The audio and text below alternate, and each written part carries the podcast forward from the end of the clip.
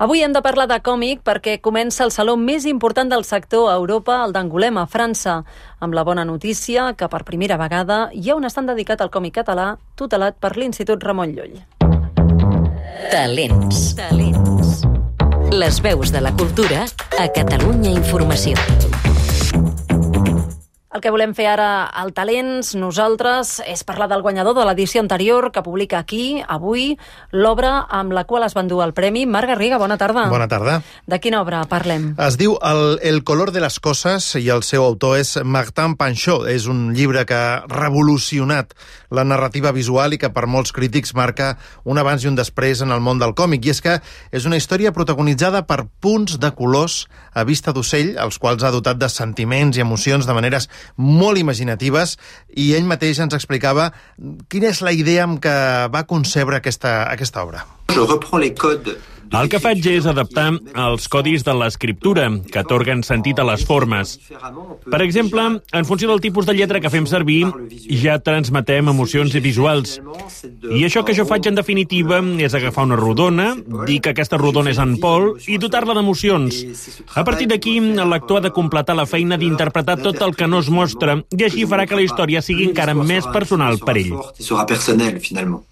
Ara que pots mirar-ho tu també de primera persona, veus que Doncs són sí, tot Marc. rodones, puntets, cada, un, cada una d'un color per identificar qui és qui, i tenen eh, converses, tot és vist des de dalt a vista d'ocell i van passant les escenes. Gràcies al, a l'ús del color en cada un dels personatges, els diàlegs, el context, doncs l'autor, que és suís, aconsegueix que, que el lector se submergeixi en una mena de, de thriller que té tocs de comèdia, d'aventura, i la veritat és que no t'adones mai de les limitacions que pot tenir aquesta tècnica perquè es llegeix de forma vertiginosa.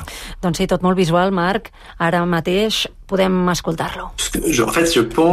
Això que faig és realment difícil perquè hi ha moltes coses que no puc mostrar. Un gest, la suor. Tot ho he d'adaptar a aquest codi nou i ho he de resoldre d'alguna manera. Però també puc fer servir els diàlegs i el context per fer-ho. En qualsevol cas, tot plegat força el lector a crear la seva pròpia imatge de cada personatge.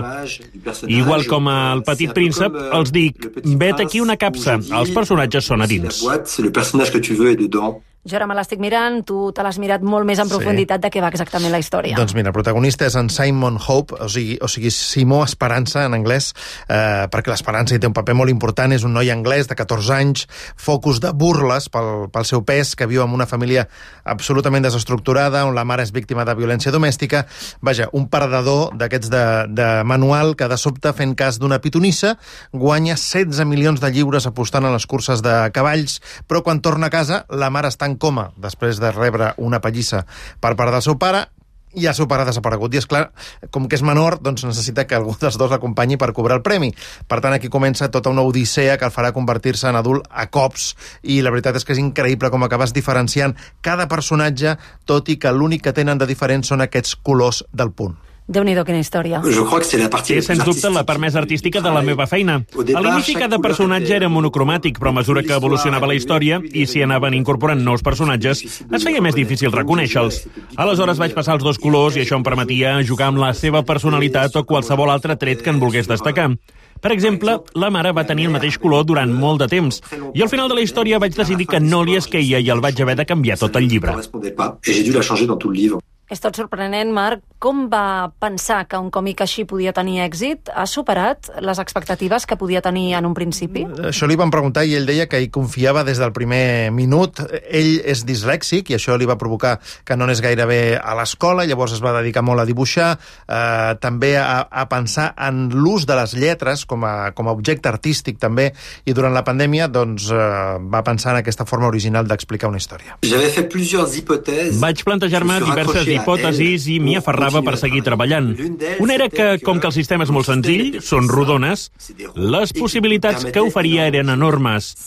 Per tant, si aconseguia fer-ne un llibre amb una història fosca, que quan el lector la comencés a llegir l'atrapés pels seus personatges i per la intriga, podia funcionar.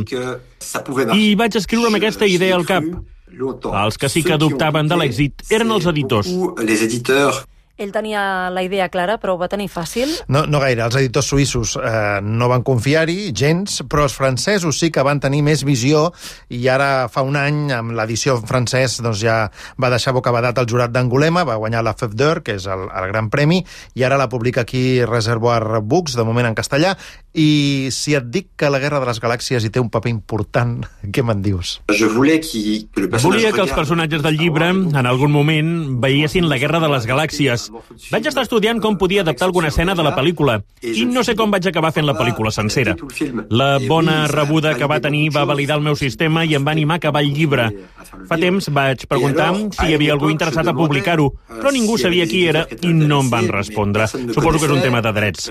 Per exemple, quan Mark Hamill em va felicitar, em vaig posar molt content. Però quan Lucasfilm em va escriure, vaig tenir por perquè pensava que m'enviaven els advocats. Per tant, eh, el mateix Luke Skywalker, Mark Hamill, l'actor, el felicitava. Uh -huh. és, una, és una representació de tota la pel·lícula, amb una mena de... Has de fer scroll amb el ratolí, comença amb, amb l'entrada de Darth Vader a la nau de la princesa Leia, i és tota la pel·lícula relatada amb aquests punts. Cada personatge és un punt, es pot veure, és un còmic digital obert a tothom i gratuït, es pot veure al web swanh.net. Swan, swanh.net. I una última pregunta, Marc, allò que es podria dir que es pregunta sempre, influències, en qui s'inspira? Sí, ell parla molt que, que llegia Astèrix, Gaston Lagaf, eh, quan era adolescent, que és, eh, són els primers que li van fer interessar-se pel mitjà, però mm, que va ser el Sin City de Frank Miller l'àlbum que li va fer obrir els ulls. A partir d'aquí, com hem dit, doncs el seu estil és absolutament únic i aquesta és la seva primera obra publicada als 41 anys, per tant, segur que ens sentirem a parlar força a partir d'ara. Doncs n'estarem pendents. Gràcies, Marc, bona tarda. Bona tarda.